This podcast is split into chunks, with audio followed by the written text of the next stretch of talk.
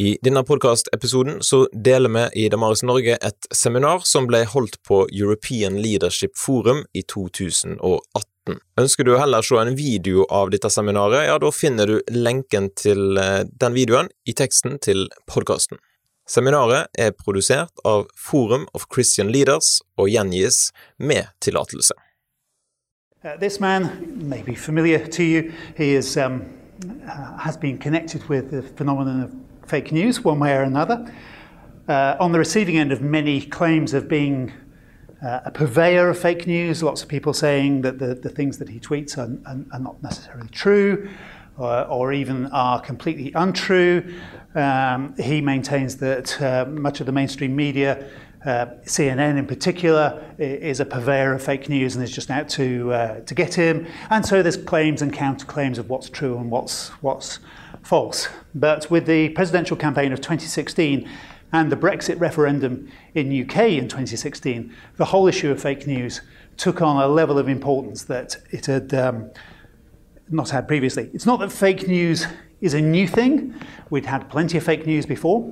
As long as the world has had politicians, we've had fake news. Um, as long as human beings have been uh, telling each other about issues of importance, there have been, there's been fake news. So it's not a new thing in some ways. But the particular circumstances that we have, the particular phenomenon of fake news as it is at the moment, is uh, quite a new thing. It has some very distinctive features. So we need to understand the phenomenon of fake news, we need to understand what causes it, how it spreads, and how we counteract it. So understanding the phenomenon of fake news. Uh, first, uh, we'll go over this very briefly the, the changing landscape of public discourse. I don't need to tell you, of course, how much it's changed in the last, well, say 12 years. 12 years ago, we did not have Twitter or Instagram or Snapchat or WhatsApp or Facebook or YouTube. They're, they're all that recent, and yet they're so much a part of our life that it's almost impossible to imagine life without them now. Um, even even Google is only. Uh, oh, can I get? I don't know that I can get the dates of this right. Uh, late 1990s, I think. Um, Google, um, very end of the 90s, uh, and of course, quite a stir when it when it first came out. But of course, the, the, the World Wide Web itself only goes back to 1990, invented by Tim Berners-Lee at CERN. And so it's radically changed the, um, the media landscape because it has put into ordinary people's hands the power to communicate messages to a vast number of people. Uh, uh, with a very low threshold barrier, very easy access, and it's possible to, to generate some quite big followings and for, for things to spread. And alongside that, of course, as a direct result of that, has been the decline in established media. Uh, as the, well, let me just give you this quote from Emily Bell first from the Tow Centre for Digital Journalism at Columbia. She used to be the editor in chief of The Guardian newspaper group in the UK. Uh, social media hasn't just swallowed journal- journalism, it has swallowed everything. Our news ecosystem has changed more dramatically in the past five years than perhaps at any time in the past 500. And uh, that's a strong claim, but uh, a well founded one. So, just as a comparison, it's, it's not a fair comparison, but I'll give it to you anyway. In the last quarter of 2017, the New York Times made $22.7 million profit. It wasn't a good quarter for them. Uh, it was down quite considerably from earlier in the year. Uh, but compare it to Facebook's profits, $4.3 billion in the same period. Now, it's not a fair comparison because Facebook is global, New York Times is, is North America, is, is, is the USA specifically. So it's not, it's not fair. But the this is three orders of magnitude bigger than, than the profits of the New York Times. And Facebook is, is only about 10 years old. Uh, so or yes, it has a global reach, and that, and that does change everything, but it just shows how insignificant mainstream media have become in the face of, of social media. Um, because the, the advertising has gone online.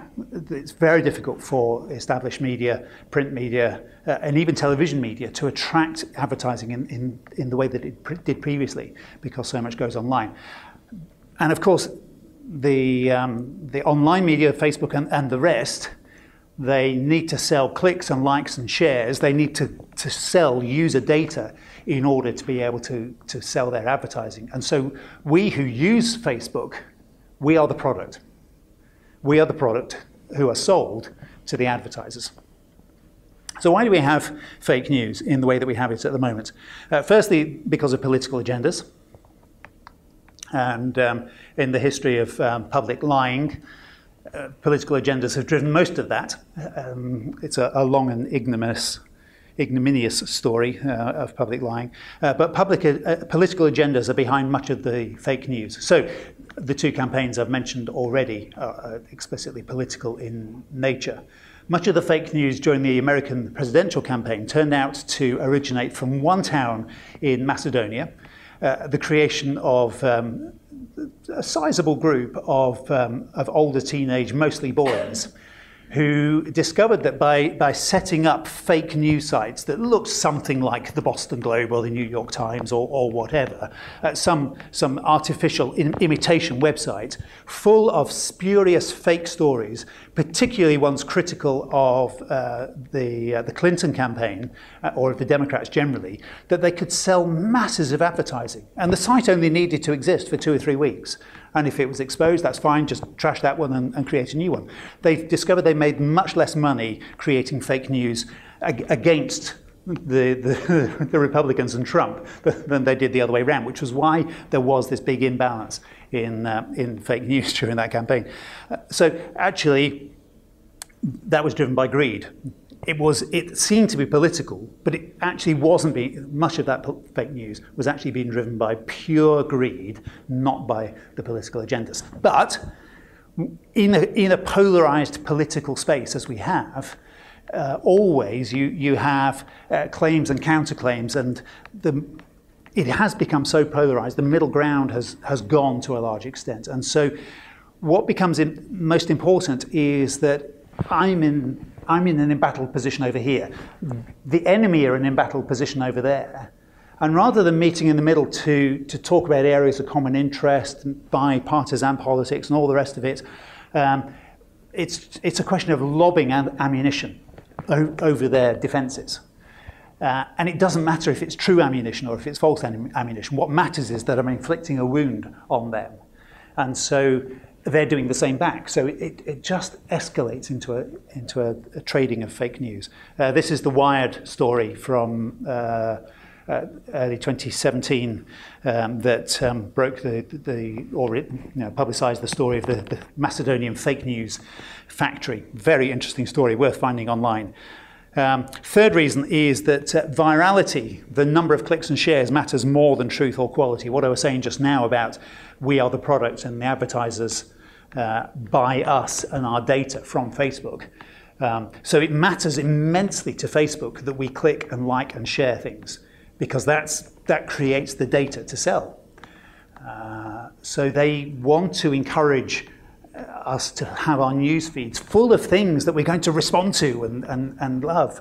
Um, uh, that's what's behind the change of the Facebook algorithm so that it gives us lots of things that we want to see and it doesn't give us the things that we don't want to see. Um, but a fake news story, of course, is, is inevitably, by its nature, somewhat sensational. So it's going to get a response. And because it gets the response, it gets shared, it gets liked, or it gets the angry emojis or whatever it might be. But, but there's a reaction to it. And that reaction means it's more sellable to advertisers. Um, uh, not that it's broken down to, to quite that level, but, but, but but that's what generates the, the traffic flow. Um, and so it matters much more than truth or quality. You may be familiar with the website Gawker that's now gone uh, because of uh, uh, a series of uh, actions brought against it funded by Peter Thiel.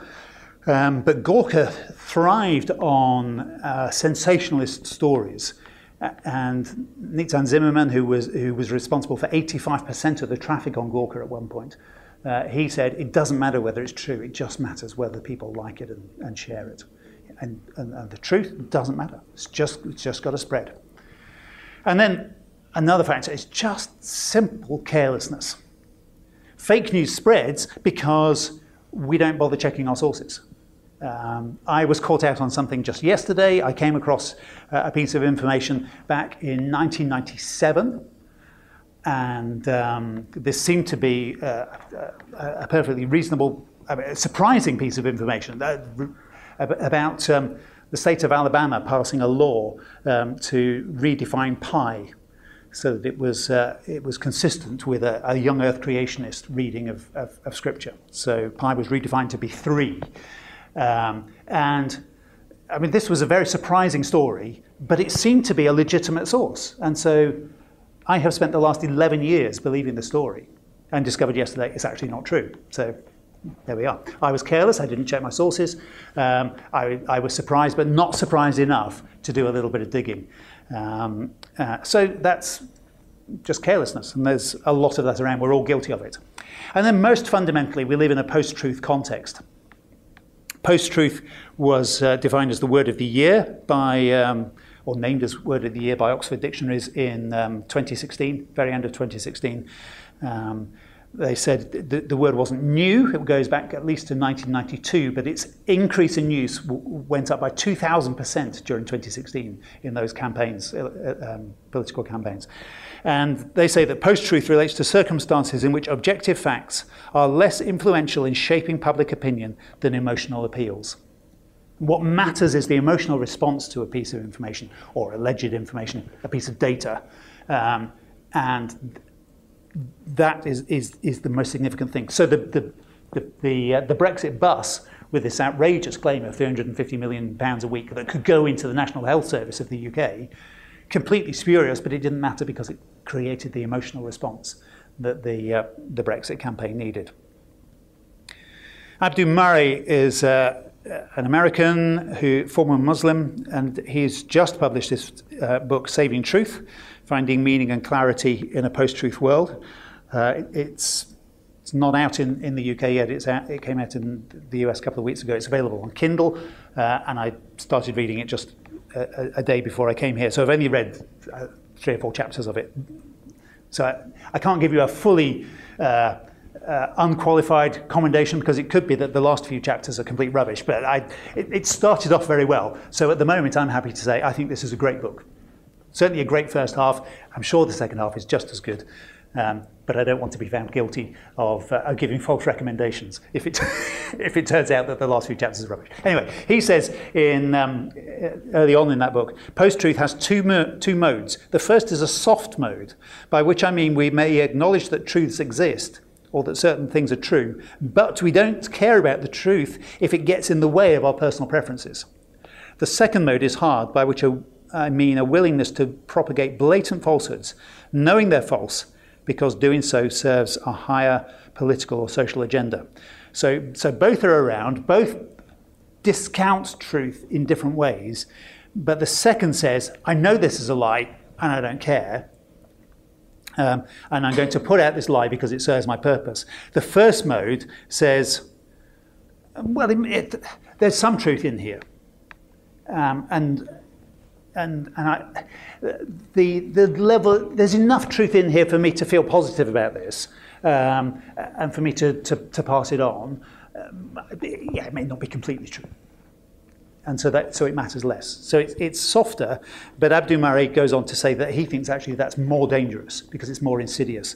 It's, it's harder to spot because then there's, there's some element of truth in it very often. Uh, Jonathan Freedland said, in the era of post truth politics, an unhesitating liar can be king. Uh, that's um, an article that he wrote back in May 2016 in the middle of the, uh, the Brexit and uh, American presidential campaigns. A very interesting article, still well worth reading, even though history, of course, has, has moved on quite a long way uh, in the two years since he said that. Um, but the idea that an un- unhesitating liar can, can get to the top, can, can can succeed um, because of that willingness just to do whatever it takes. Uh, is uh, it's quite a stark reminder. And so we're in a situation described by Jeremiah truth has perished, it is banished from the lips. So uh, that's some of the causes of fake news um, political agendas, greed, uh, the need for virality, just sheer carelessness, and the post truth climate. How does it actually spread? There's a number of psychological and sociological factors. The first is psychological, um, is that fake news spreads because it creates an emotional connection with us. Um, the, the rider on, a, on an elephant comes, metaphor comes from Jonathan Freedland, um, who is um, a psychologist, if I remember rightly, um, one of the, uh, the most highly rated TED Talks on um, um, the, the, Righteous Mind, and he has a book called The, the Righteous Mind. Uh, and he talks about how um, in our decision making processes, there are two parts of us. There's an emotional part, that's the elephant, and actually that's 85%, he, he says, uh, of, our, of our responding to things. And then there's this little bit, the rider stuck on top of the elephant, which is the rational part of our brains. And um, if, we, if we come across something, that elephant is going to decide whether it likes it or whether it doesn't like it. And the rider has to work really hard to overcome that, that emotional response. If that elephant um, comes across uh, something and says, I don't like that, that elephant's going to run. And, and the rider has to say, no, no, it's, it's broccoli, it's good for you. You know, you've got to, you've got to get over this dislike of broccoli. Um, but that can be really hard. So anybody who's tried to feed young kids with, with their you know, bizarre dislikes for things that are perfectly reasonable to the rest of the world. Um, it's an emotional response, and you're trying to encourage the rider to, to get over that. But the elephant is just too strong. Um, or, or the elephant might say, Bananas, bananas, I want some bananas. And, and the rider says, you know, wants to say, no, bananas are okay in moderation, but 300 bananas a day are not good for you. Uh, I finally learned that lesson.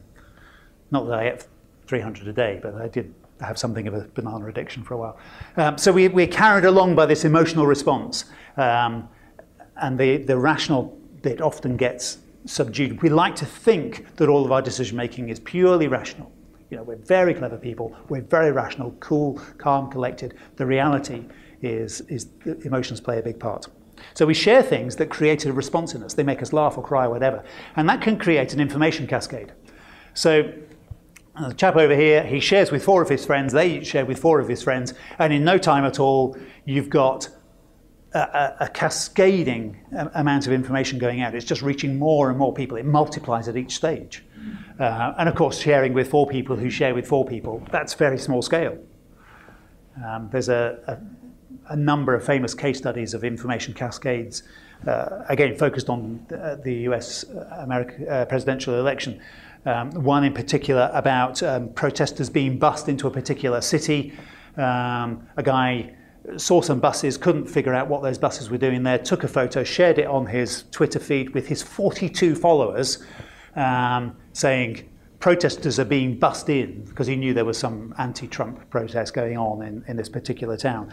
And by, so that was early evening, by 9 a.m. the following morning, um, it had been shared 300,000 times on, on, on, on, just on Reddit, as well as on Facebook and, and all sorts of other things. It, it just cascaded. And then he realized the following day that actually those buses were there for an IT, some, some very techie conference of a, of a company. They're busting their employees from all over uh, uh the USA. And, and the buses were there for that. And so he said, he, he, he went public and he said, I was wrong. They were there for a completely different reason. I, I'm sorry. This got out of hand. I, I just didn't check. I didn't think. Uh, but of course, the trouble is that that initial thing created emotional response in people. Oh, they can't do that, that's outrageous. Click, share, click, like, click, angry. Uh, and, and it spreads like wildfire. Fire. Him saying, oh, sorry, my bad. It was a tech conference. You know, who, who cares? Nobody's interested. So that doesn't spread because it doesn't generate the emotional response.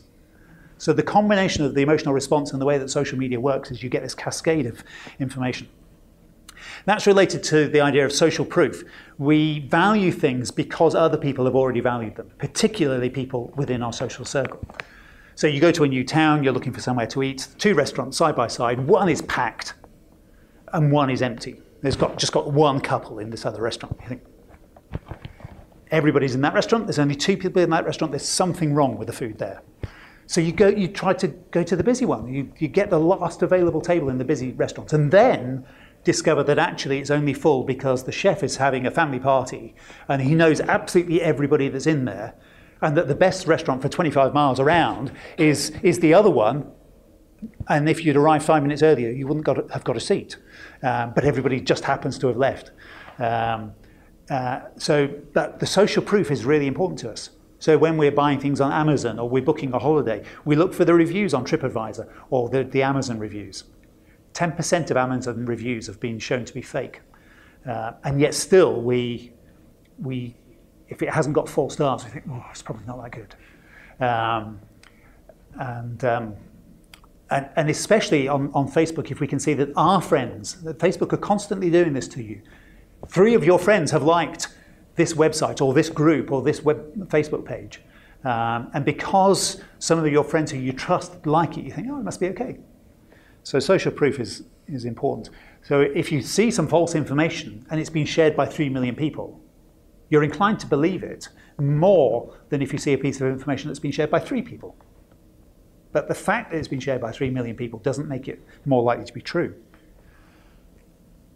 Uh, and then there's uh, the idea of confirmation bias. Or it's a, a psychological bias that, um, that all of us have. There's a number of psychological biases in, our thinking, but confirmation bias is a particularly uh, important one. So we are attracted to information that reinforces the, the, the ideas and beliefs that we already have.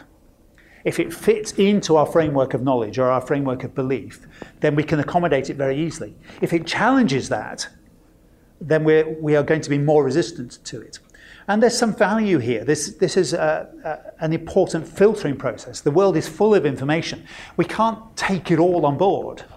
Um, and we don't want to, to take on board a whole load of information that undermines everything that we believe. So there's, there's some sensible filtering going on here. But the, the fact that it's an instinctive bias does make it really difficult for us because we are attracted to those facts that fit in with our beliefs. Those are the things that we like. And we tend to not we tend to overlook or re- actively reject those facts even if they're solid, well researched facts, we, we, under, we, we reject them or ignore them if they don't fit in. And of course, as, as Christians, we can be in, inclined to do this because uh, we, we see Richard Dawkins, an atheist, saying something or other, and it doesn't fit with our, with our Christian convictions, and so instantly we reject, reject it just because uh, it's Richard Dawkins. Well, he talks a lot of nonsense, so there's Sorry if you're watching this, Richard Dawkins. Uh, but, but uh, yeah, I think I do believe as a Christian that, that much of what he says is demonstrably um, uh, rubbish. um, but, it, but it can mean that we reject things that he says that, that, are, that actually are true because we we, it's possible for us to be wrong about stuff. I, I passionately believe the Bible to be true, but that my interpretation of the Bible is not going to be true at all points because I'm still a fallible, finite, fallen human being. I get things wrong. I, th- there are blind spots in my thinking. Um, and so I can be resistant to things that actually help me to, to get closer to the truth. Um, and uh, all of that adds up to uh, the well-known um, phenomenon of filter bubbles, a term coined by Eli Pariser from Upworthy in um, a TED talk, I think it was in 2011, 2012, in which he pleaded with um, Zuckerberg and uh, the heads of um, Google and Yahoo to say, please do something to your algorithm so, so that we are presented with information that, that expands our thinking rather than simply reinforces because you, you've created an algorithm, a way of feeding us information that, that reinforces the confirmation bias. We like stuff, we've liked a whole load of stuff on Facebook, and so you give us more stuff that is like the things that we've liked on Facebook. And there's never anything to go across that. So I was one of many people in the Brexit um, uh, referendum in the UK who was astonished the day of the result because on my social media feed I thought if this is very clearly going one way. Uh, and I have a few friends who think the opposite. Well, they're clearly in the minority. And the, then the following morning, oh, uh, the, the, result was pretty close, actually. It was about 151, 49%, something like that. Um, so it wasn't quite as close as some people were expecting, but it was, it, it, was closer than I thought it was going to be. And, and my friends on the other side of the fence, it was closer than many of them thought it was going to be, because they thought from their social media feeds that everybody was going to vote the other way. Um, so we were living in our filter bubbles. Uh, this guy is Michael Lynch, who is a philosopher from. Um, a university somewhere in America, and I can't remember which one off, off the top of my head. It'll come to me while we're watching it, probably. Um, so, so, Michael Lynch is a, a, a philosopher, and he, this is a TED talk that he gave about how to find truth. And uh, so he, uh, this is just a little segment of that in which he's talking about this phenomenon of filter bubbles and how our smartphones uh, play into that. So imagine that you had your smartphone miniaturized and hooked up directly to your brain. Now, if you had this sort of brain chip, you'd be able to upload and download to the internet at the speed of thought. Accessing social media or Wikipedia would be a lot like, well, from the inside at least, like consulting your own memory. It would be as easy and as intimate as thinking. But would it make it easier for you to know what's true? Just because a way of accessing information is faster doesn't mean it's more reliable, of course, and it doesn't mean that we would all interpret it the same way. And it doesn't mean that you would be any better at evaluating it. In fact, it might even be worse because, you know, more data, less time for evaluation. You know, something like this is already happening to us right now. We already carry a world of information around in our pockets. But it seems as if the more information that we share and access online, the more difficult it can be for us to tell the difference between what's real and what's fake. It's as if we know more, but understand less. Now, you know, it's a feature of modern life, I suppose, that large swaths of the public live in isolated information bubbles. You know, we're polarized, not just over values, but over the facts. And one reason for that is that the data analytics that drive the internet get us not just more information, but more of the information that we want. Our online life is personalized. Everything from the ads we read to the news that comes down our Facebook feed is tailored to satisfy our preferences. And so while we get more information, a lot of that information ends up reflecting ourselves as much as it does reality. It ends up, I suppose, inflating our bubbles rather than bursting them. And so maybe it's no surprise that we're in a situation, a paradoxical situation, of thinking that we know so much more and yet not agreeing on what it is we know. So, how are we going to solve this problem of knowledge polarization? So, what are the consequences of, of fake news? Uh, firstly, is a loss of truth. Uh, if we are just trading untruths or, or half truths, if we're just chucking these backwards and forwards across the, the, the political um, in, uh, battle lines, um, it, it becomes impossible to know who's telling the truth if all we're hearing is claim and counterclaim and counter counterclaim and undermining of the counter counterclaim and counter undermining of the you know, it's, and, and everybody's saying, no, that's not true, that's not true, that's not true. This is fake news. No, your fake news is fake news. And fake news has become a term of abuse um, uh, for something that I don't like. And it becomes impossible in that kind of context, or very difficult, to, to, to discover what's true. And actually, people become apathetic about discovering what's true. Oh, there's just so much. You can't believe anybody. I'm just giving up. Um, uh, second, that leads to social fragmentation. We already had a, pol- a politically polarized environment, at least speaking for the UK, um, uh, and, and, that has become massively more polarized since the Brexit campaign, it seems to me. Uh, North American politics seems to me to be uh, very polarized, uh, even on issues that once upon a time were bipartisan issues. Um, it, it, politics has become more polarized, as I understand it from, from what I read online, in, in, in Germany and in, uh, in Norway and it, just so many other places. Uh, and so, if things become polarized, if we can't agree what's, on, what's, what's true, society begins to break down. And, and we begin to uh, just gather in, in, in little tribes. And a bit of news or counter fake news or whatever is, our flag to, to uh, show our allegiance to a particular tribe. And it doesn't mean anything more than that.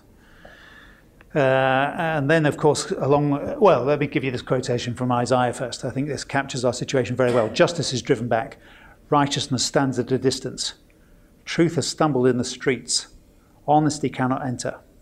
Truth is nowhere to be found, and whoever shuns evil becomes a prey. Doesn't that sound exactly like the kind of context that we have around us at the moment? Uh, thirdly, is a loss of identity. If, if truth is undermined, if we live in a, a post truth world where uh, feelings matter more than what's actually true, that doesn't give you a secure basis for identity. Because feelings, of course, are, are fickle. If we allow ourselves to be carried along by the elephant, um, you can have good days and bad days, and, and, and your identity is all over the place um, because the rider on the elephant is not having a, a significant part. If, if the social scene has become fragmented, um, uh, and your little group suddenly is undermined by something that happens, that can be devastating to your, your sense of identity. There just aren't the foundations for people to be able, build a firm sense of identity on. Um, this is a quotation I came across a, a few years back now, uh, which is um, just incredibly heartbreaking, I think. I belong to the blank generation. I have no beliefs. I belong to no community, tradition, or anything like that. I'm lost in this vast, vast world. I belong nowhere. I have absolutely no identity. Uh, an anonymous uh, comment, I think quoted in a book by Walter Truett Anderson um, a few years back, uh, but it's just heartbreaking. Uh, but I don't think that person is alone. I think that's a pretty common feeling, uh, but just stating it very starkly. Uh, fourthly, a fourth consequence, a surprising one, is I think there's some resistance. I think there's some pushback um, to this. Uh, I don't want to overplay this, but I think there are some signs of hope. Um, this is Katharine Viner, who is the current editor in chief of The Guardian uh, in uh, the UK. The truth is a struggle, she says. It takes hard graft, but the struggle is worth it. Traditional news values are important and they matter and they're worth defending. So, The, the Guardian uh, is a, very interesting newspaper uh, in terms of its approach. Um, it does sell online advertising, but they refuse to put up a paywall. What they do when you go to the Guardian website is they ask you to donate. It's become a, a crowdsourced um, uh, journalism, effectively. They still sell physical newspapers, they still sell advertising, but they, they're looking for supporters. And actually, the numbers of supporters they're getting are going up because people are saying, we want journalism.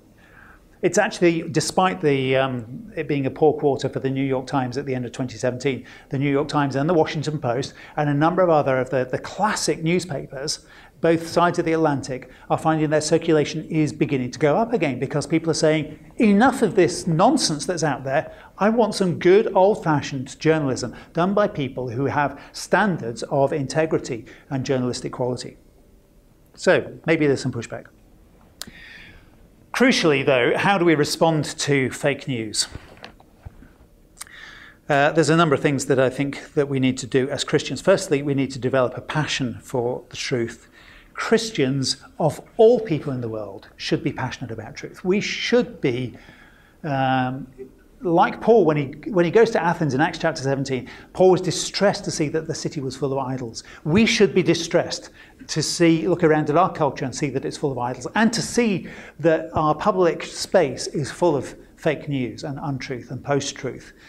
Um, we should be distressed about that and we should be passionate about truth because we follow the one who is the personification of truth. Twice in John chapter 1, John says that Jesus came from the Father full of grace and truth. Uh, John 8, Jesus says, You will know the truth and the truth will set you free. And that's often taken out of context uh, and, and, and meant to apply to, to truth in, in, a general sense. Knowing any truth will set you free. And, and actually, I think that that's, there's some validity in that because uh, I think it was Calvin who first said all truth is God's truth. Um, I think Amy uh, Orr-Ewing uh, in a seminar yesterday said Dorothy L. Sayers said it before Schaeffer, but I think Calvin was there before Dorothy L. Sayers. I'm pretty sure it's in, in, in, in his institutes. Not quite in that phrase, but the idea is there that if it's true, it, it's true because God is the God of truth, um, and we don't need to be afraid of it. And so there is a sense in which any truth is liberating because it brings us more in line with reality as it actually is, with, with reality. Um, uh, but of course, we get to John 14 and Jesus says, I am the way and the truth and the life. Jesus is the truth. He is the truth that sets us free, ultimately. So we should be passionate about truth generally because we follow the one who is truth with a capital T. But it is inconvenient, it is unpopular, uh, it is uh, a very unpleasant place to be following truth in our world and standing for Jesus in our world. It requires courage, but we must not flinch from it. Proverbs says, The Lord detests lying lips, but he delights in people who are trustworthy. Are we Christians people who are trustworthy? It's very easy for us to say, yes, of course we are. But actually, fake news affects us too. We'll come back to that in a moment if we have time. Oh, so we need to live the truth. Part of developing a passion for the truth, part of following the one who is truth, is that we need to live the truth. Truth is not just something we believe, it needs to be something that we live out. Um, I am the way, the truth, and the life. Uh, two of those, at least, the way and, and the life, there's a sense of progress and development and journeying in there. The life is something that we we, we, we're, we're, we're, we're in the way of life, we're, we're experiencing life, we're going through life, we are on the way. And, and the truth is, is, sounds more like a goal, and of course, they all overlap with each other. Um, but we we are to live a Christ like life because we're Christ people. Um, and so, truth should be something that characterizes us deeply, not just in what we believe, but in who we are, in, in what we value, in, um, in what we say, in the way that we, we relate to each other. It's about integrity. We need to commit to discovering what is true. Uh, I am now very ashamed by my failure uh, 11 years ago when I first came across this piece of information about Alabama passing this law about redefining pi. Uh, it turns out it was an April Fool's thing, of all things. How, how, how could I fall for that?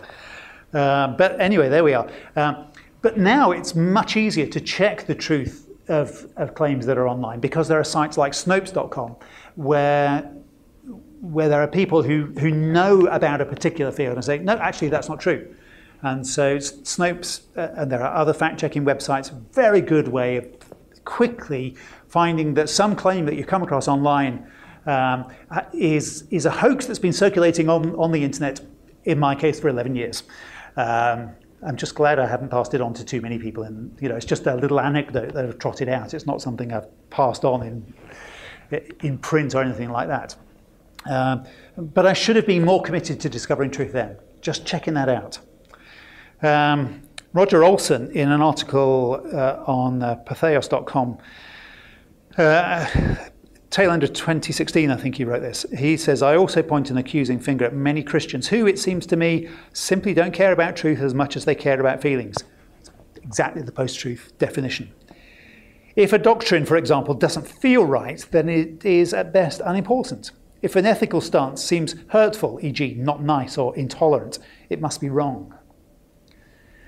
Uh, and I'm seeing this in so much of our Christian discussion online that people say, that's, I, I don't like that, or that makes me feel very uncomfortable. And, and are questioning the authority of Scripture, uh, even, be, because it's uncomfortable in the contemporary world. Um, you may have picked up on some of the discussion about uh, Bishop Curry's sermon at the Royal Wedding uh, in the UK on Saturday. It was. Um, uh, I, I, didn't hear it, but it, it, seems to be quite polarized. A lot of people were saying that was lovely, heartwarming, passionate sermon. Uh, and some Christians are saying, I don't care if it's heartwarming and passionate and lovely. He actually wasn't pointing to the truth of the gospel. Um, um, but, it, but it felt right to many people because of the way that he was, he was speaking. So uh, we need to be careful.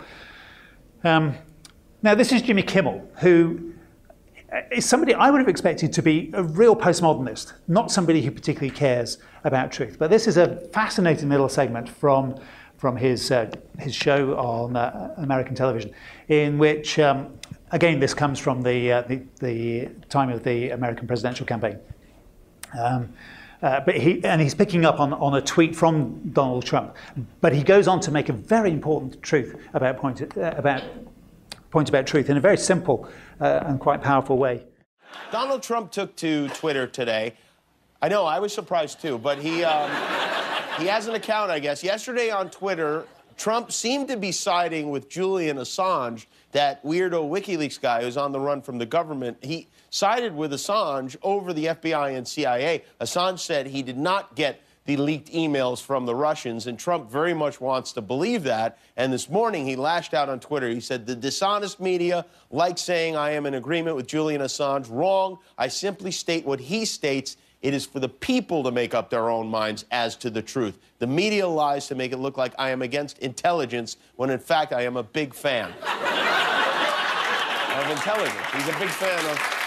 He's. He's a big fan of intelligence and golf. And, but the part that jumped out at me is where he said it's for the people to make up their own minds as to the truth, which is a weird thing to say because no, it isn't. It's you can't make up your mind about the truth. The truth is the truth. The truth isn't true. If the truth isn't true, it's not the truth. Like if NASA says the Earth is round, someone says it's flat. That's not a difference of opinion.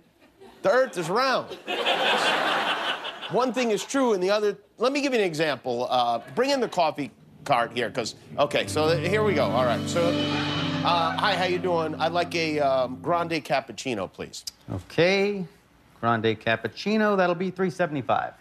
No, it won't. yes, it will. Why? Because you think your opinion matters more than mine? No, because that's the price. Mm, well, your opinion is that it's 375. My opinion is that it costs one dollar. But, but it doesn't cost a dollar. It's 375. Look, I don't have time to debate you right now. I have a Zumba class in half an hour. I just want the coffee for a dollar, okay? The price is right there on the sign. Oh, great, it's on the sign. Who wrote that sign? Did you write the sign? I know I didn't write. Did anyone here write that sign? Okay, well, let me tell you what. You gotta, uh, here. Now, the sign says cappuccino is a dollar. So here's a dollar. Please give me my cappuccino. Thank you. I need you to pay $3.75, sir. I need you to know that the truth is for the people to decide for ourselves. Now, please give me my cappuccino. Thank you very much. Got a cappuccino for Timmy. Well, it's no, it's Jimmy, but. Not in my opinion, it isn't. I see. see? Thank you, guys.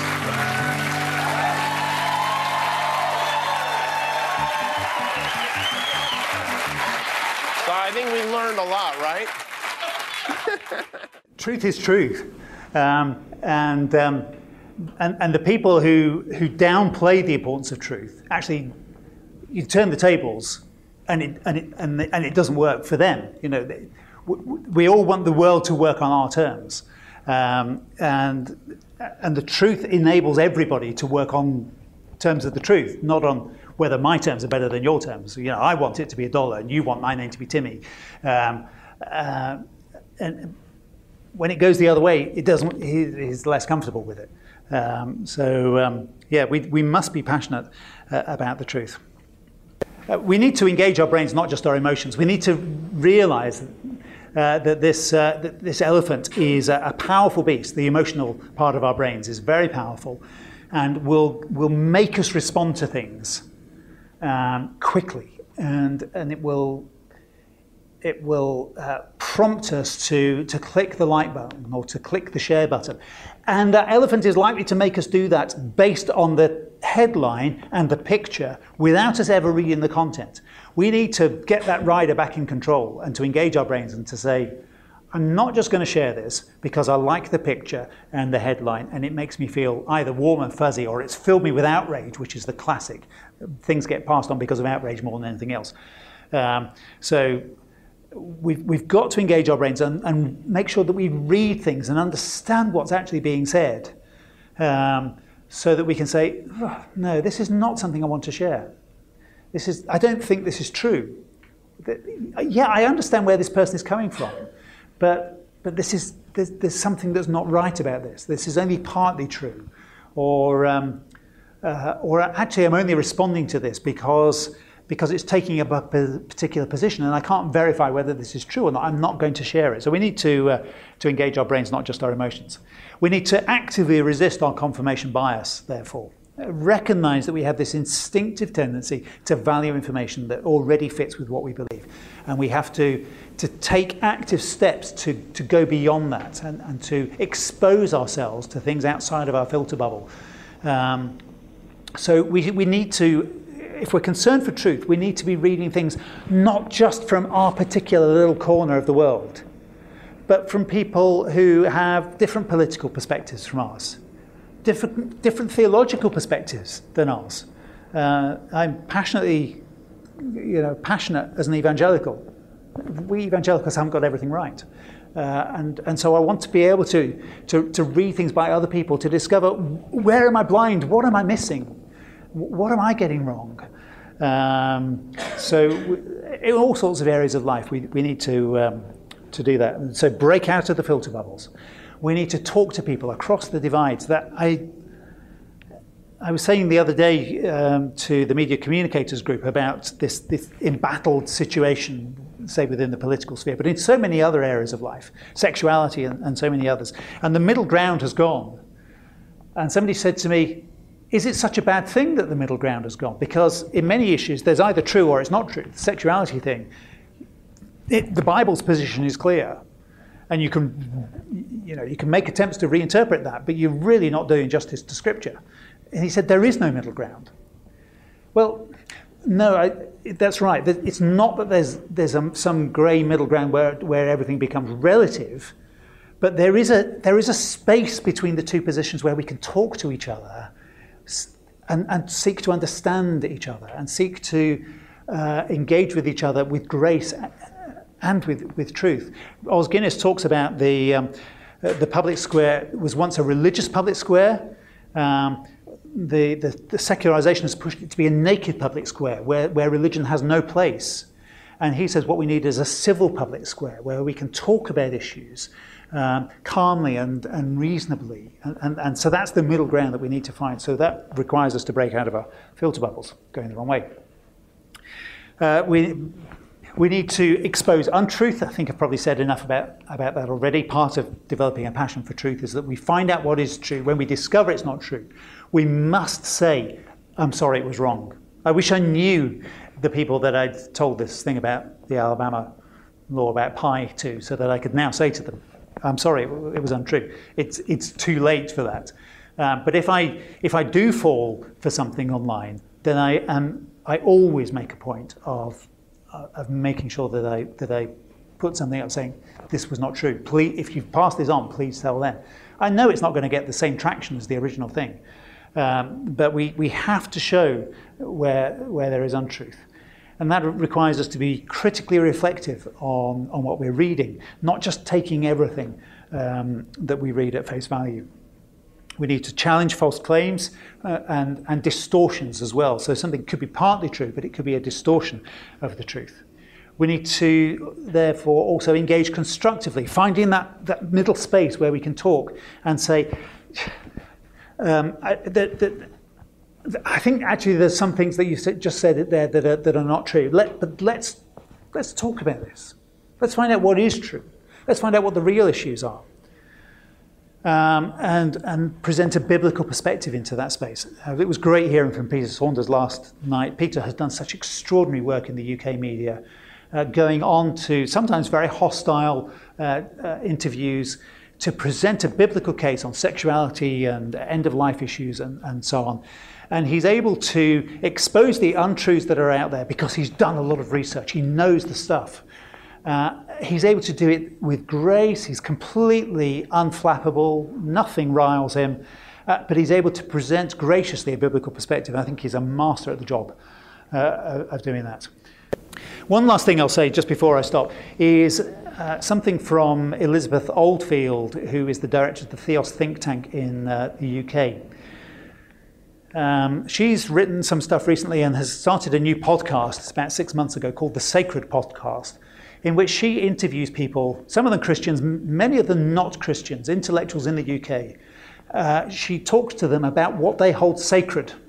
And she's not meaning in a religious sense. What is it that, that you hold uh, so dear, so it's so precious to you, so important a value that you would be really offended if somebody said you need to give that up. I'll give you money to give that up, and you just you just wouldn't go there because it's it's so precious. And she says we need to recognise what holds what people hold sacred, and and discuss that. In other words, get underneath all of the claims and the counterclaims and the fake news why is somebody sharing a piece of fake news? What is, their, what is it that they hold sacred that's prompting them to do that? If we can get underneath to get to that, then we'll have a, a much more intelligent conversation where we can present a much, excuse me, a much richer biblical perspective. Uh, this is the definition of the sacred from Gordon Lynch, which is where she picked it up from in the first place. He's a practical theologian in the UK. He says the sacred is what people take to be absolute realities that exert a profound moral claim over their lives. Sacred forms generate their own visions of evil, the profane, and establish moral boundaries beyond which lie people who are regarded as inhuman or animals. He's putting it quite strongly. She doesn't put it quite so strongly. But what is it that people are so attached to? And if we can get to that, even in social media, just stop and think, engage the brain, forget the emotions, engage the brain, try and understand what is it that's driving this in the first place? Why has somebody shared this? And then engage with those values rather than the, uh, than the fake claims.